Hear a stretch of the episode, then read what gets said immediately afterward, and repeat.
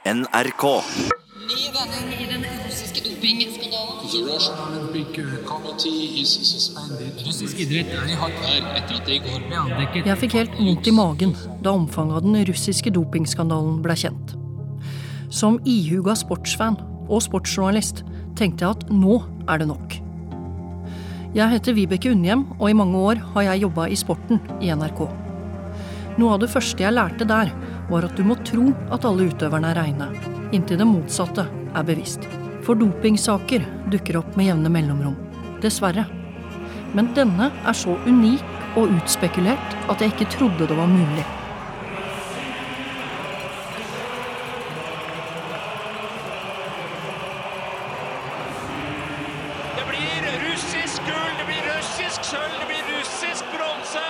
OL i Sotsji ble en kjempesuksess for vertslandet. De tok rekordmange gull, og den russiske bjørnen hadde vist verden hvor mektig den er. Men det som skjedde etterpå, er ikke så enkelt å forstå. Også jeg, som nok er over gjennomsnittet interessert, klarer ikke å få grepet om alt. Beviser som førte til granskninger, granskninger som skulle finne ut om bevisene stemte eller ikke. Mengden av informasjon var enorm. Kollega Andreas Hagen og jeg bestemte oss derfor for å lage denne podkasten. For hvordan var det i hele tatt mulig å gjennomføre en av idrettshistoriens største svindler? Svarene får vi bl.a. ved å lytte til historien om en russisk labsjef og en amerikansk dokumentarfilmskaper. Does Russia have a systematic statewide doping system in place to cheat the Olympics? Yes. Were you the mastermind of a statewide system that cheated the Olympics? Of course. Yes. Disse to kommer du til å høre mye om i denne podkasten. Amerikaneren heter Brian Fogel.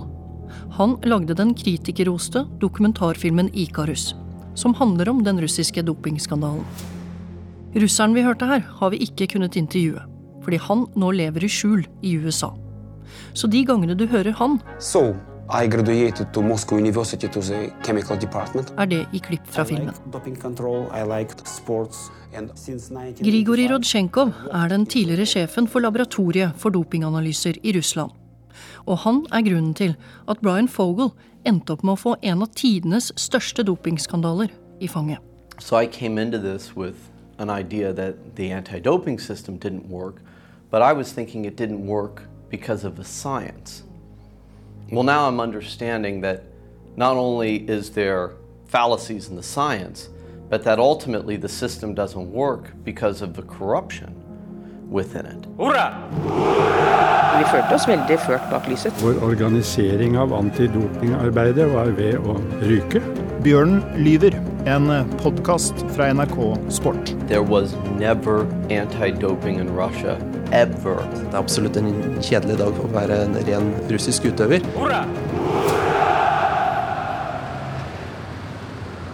Det er i London at jeg møter filmskaperen.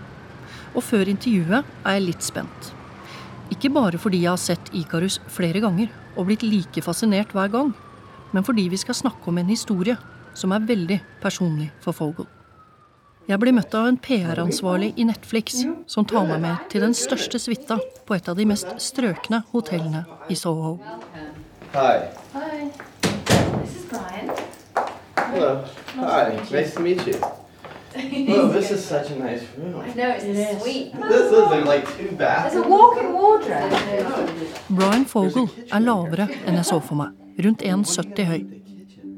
Han ser ut som en toppidrettsutøver, slank, senete og energisk. Fogel er amatørsyklist, og nettopp det var utgangspunktet for dokumentaren Ikarus. Én hendelse gjorde at han begynte å tenke over om antidopingsystemet egentlig fungerer. Did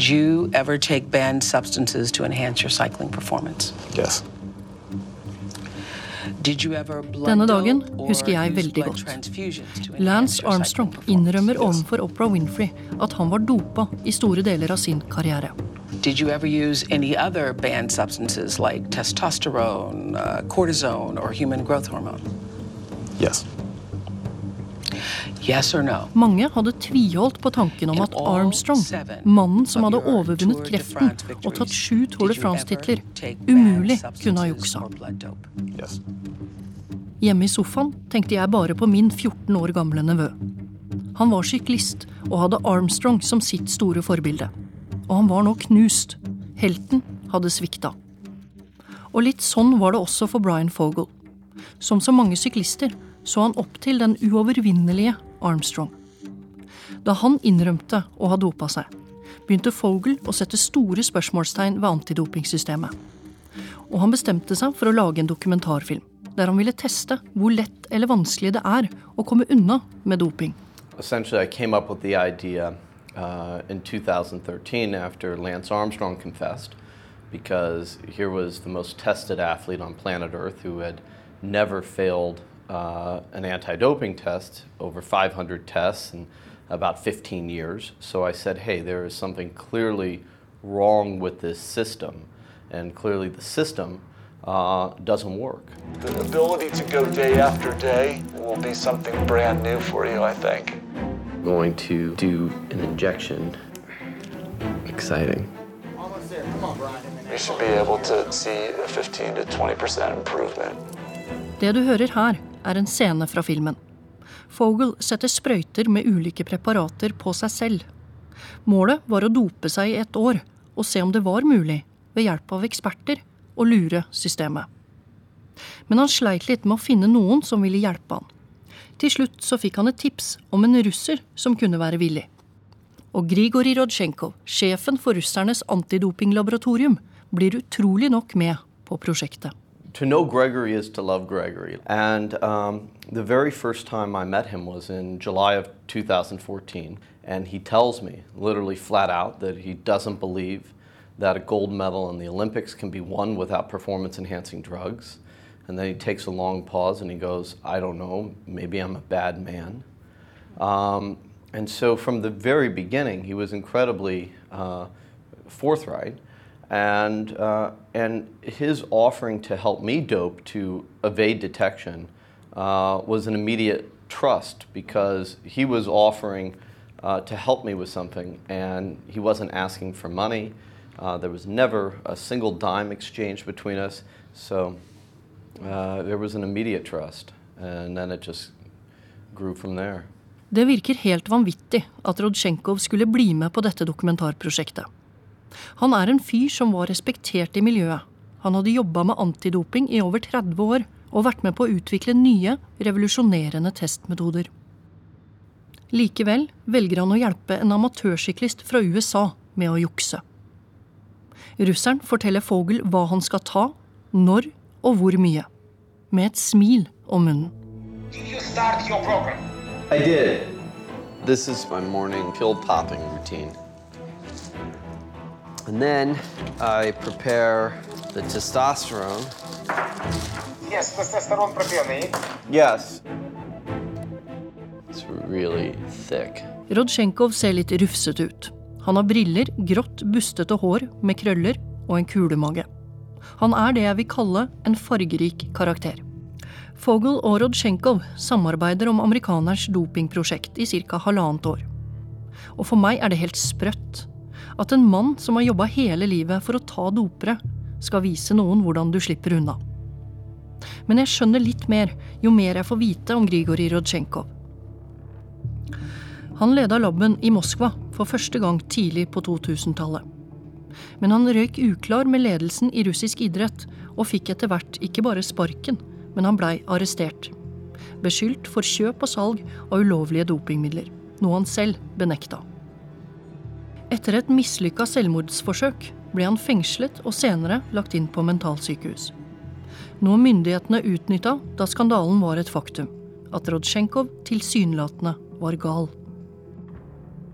Den tidligere labsjefen i Moskva forteller at han ble på sykehuset. Til Vladimir Putin trengte han igjen. For Russland hadde gjort et fryktelig dårlig OL i Vancouver i 2010.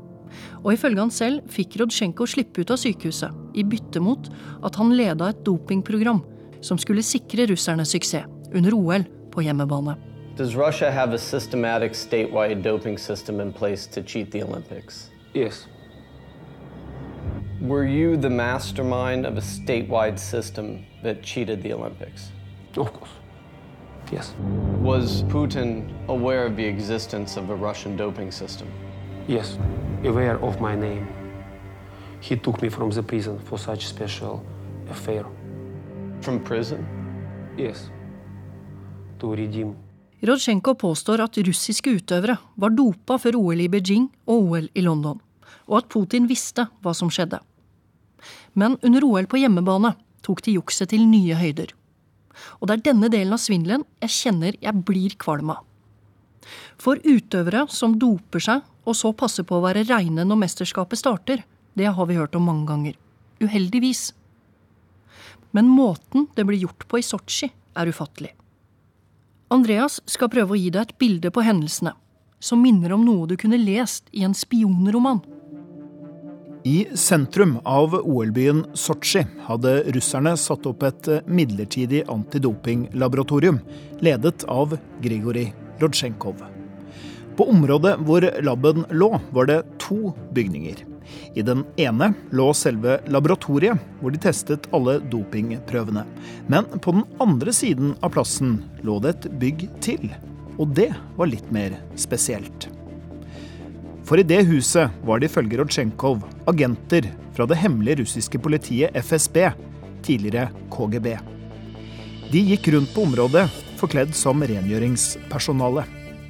I det bygget hadde de et rom hvor de oppbevarte ren urin fra de russiske utøverne som var med i dopingprogrammet. Som leder for laben hadde Rodsjenkov full kontroll på når prøvene skulle komme inn. Han hadde organisert det sånn at de kom inn etter midnatt. Og når de var på vei, så fikk han en melding, sånn at han kunne sørge for at det ikke var observatører fra IOC eller WADA til stede på laben akkurat da. For det var utenlandske observatører til stede, men deres jobb var tydeligvis å passe på at selve testingen gikk ordentlig for seg. Sett i ettertid var nok ikke det nok. For da prøvene kom inn, sørget Rodsjenkov og hans medarbeidere for å ta unna både A- og B-prøvene til de russiske utøverne. Og gjennom et hull i veggen, som var kamuflert som et strømuttak, fikk de inn den rene urinen fra FSB-agentene. Og så helte de ren urin på A-prøvene, som skulle testes innen 48 timer, og B-prøvene, som skulle lagres.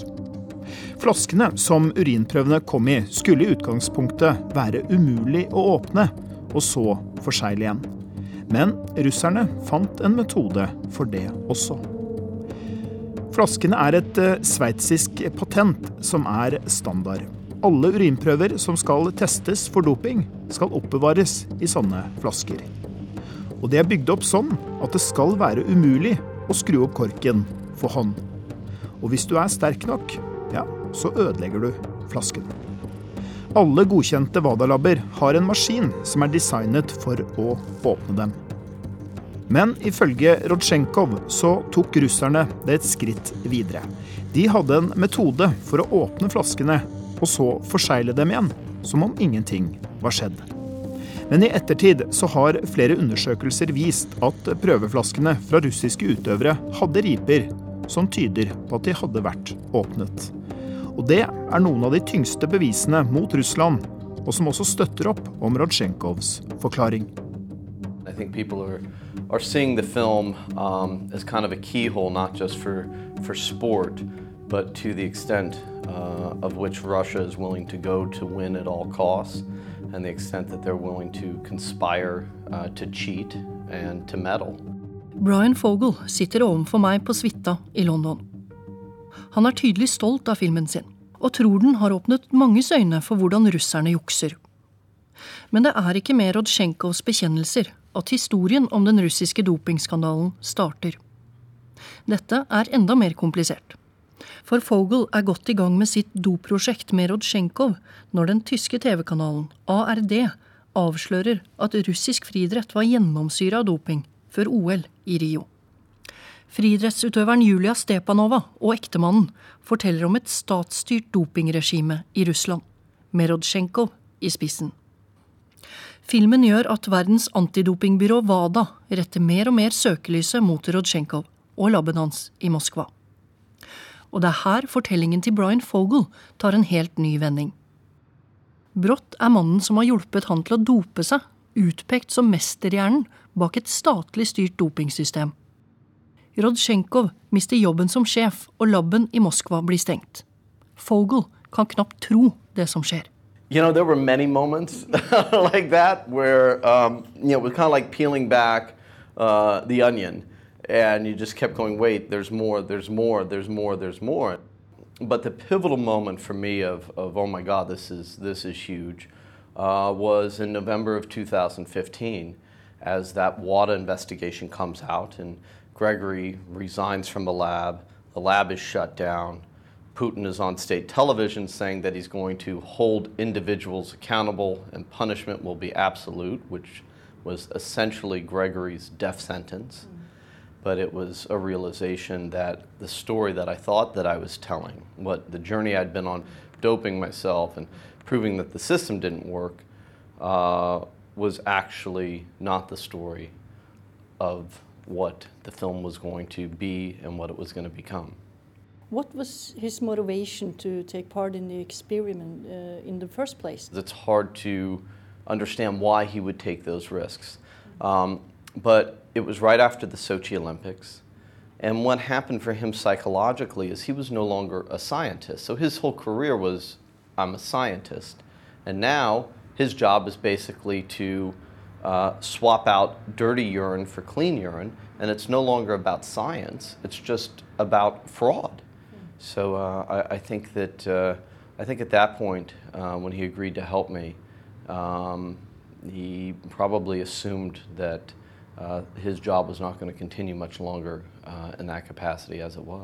Med ett står altså dokumentarfilmskaper og amatørsyklist Brian Fogel med en av tidenes største dopingsaker i hendene. Og en labsjef som vil ut av Russland før det er for seint. Rodsjenkov reiser til USA med beviser for svindelen i bagasjen. Bevisene overleveres til FBI og verdens antidopingbyrå WADA. Og avisa The New York Times sørger for at skandalen blir kjent. WADA overlater sin etterforskning til den canadiske advokaten Richard McLaren og en uavhengig kommisjon. Den etter hvert så kjente McLaren-rapporten skal du få høre mer om i neste episode. Men kort fortalt konkluderer den med at Rodsjenkov i stor grad snakker sant. Coaches and athletes have been playing on an uneven field. Sports fans and spectators have been deceived. It's time that stops. Rodsjenkov har blitt en varsler, og er bekymra for at russiske myndigheter er ute etter å ta han. Når i tillegg lederen av det russiske antidopingbyrået Rusada dør, angivelig av et hjerteinfarkt, er Rodsjenkov overbevist om at han er i livsfare. Han blir etter hvert satt i et vitnebeskyttelsesprogram i regi av FBI. He wasn't scared, but he had grown up in a system where he saw that the state could essentially eliminate you. He saw with you know his friends along the way that in a in a beat of a heartbeat they could be gone. And so his leaving Moscow and coming to Los Angeles for him was not a I'm scared. It was a oh my God, I have a I have a chance to live because he was told by other friends of his within the FSB, the KGB, that they were planning his suicide. So uh, he wasn't going to survive there. Did you ever think, I'm just going to get out of this, I don't want anything to do with it, I'm just going to quit, leave it to someone else? Did you ever think that? You know, there, there were a couple moments, but um, the real re- answer is no. And, and the reason why is uh, twofold. One, Gregory had helped me for a year and a half, like just truly helped me for a year and a half as a friend and trusted in me before he himself was in this personal crisis. And so for me, um, there was a moral and ethical obligation uh, to help someone who had been so forthcoming and so amazing to me, uh, and, and it helped me in making my film. And two, once I understood the information that he had and the evidence that he had, that, that, that everything that he was telling me, there was evidence behind. There was spreadsheets, there were emails, there was there was true evidence. And once I understood that, um, I felt an obligation to help him uh, bring this story forward to the world because I felt that, that it was such an important story that needed to be shared. Jeg skjønner Brian Fogel, både som menneske og journalist. Som journalist ser jeg selvsagt hvor stort det er å få tilgang til denne utrolige historien. Ikarus ble, etter en heftig budrunde mellom ulike produksjonsselskaper, kjøpt av Netflix for nærmere 40 millioner norske kroner. Og i tillegg sikra den seg en prestisjetung Oscar-nominasjon. Så for Fogel har prosjektet vært en enorm suksess. Men jeg merker på amerikaneren at det er en litt bitter og personlig undertone til all suksessen. Samarbeidet med Rodsjenkov utvikla seg også til et nært vennskap. Men den vennen kan ikke Fogel lenger ha kontakt med. Ingen vet hvor Rodsjenkov er. Selv ikke hans kone og barn, som er igjen i Russland. I think he's going to have a target on his back for the rest of his life. Uh, it's very upsetting to think about what his life is going to be like. You know, this isn't a situation where uh, in three months from now or something he's going to be able to be roaming around the streets of London or Oslo and, uh, and, and, and be free. And so uh, I don't know if I'm going to be able to see him again. Fra russernes side har det blitt hardnakka benekta at det Rodsjenkov sier, er sant. Først gikk Putin ut og sa at alt var en løgn. At han ikke engang vet hvem Rodsjenkov er. Etter hvert kom det en uttalelse om at dersom dette hadde skjedd, var det på ingen måte styrt av staten, men at Rodsjenkov var gal og hadde gjennomført dette alene. Her benytta de selvsagt anledningen til å nevne Rodsjenkovs opphold på mentalsykehus for å underbygge galskapen. Putin modererte seg riktignok da verdens antidopingbyrå WADA konkluderte med at bevisene var til å stole på. Og etter hvert innrømte den russiske presidenten at det hadde vært doping blant russiske utøvere, men han nekta fortsatt for at de noen gang har hatt et dopingsystem styrt av staten. Han la også like godt til at den tidligere labsjefen er en idiot, og at Grigorij Rodsjenkov burde kastes i fengsel. Его в тюрьму надо посадить. Вместо этого его назначили руководить антидопинговой лабораторией российской.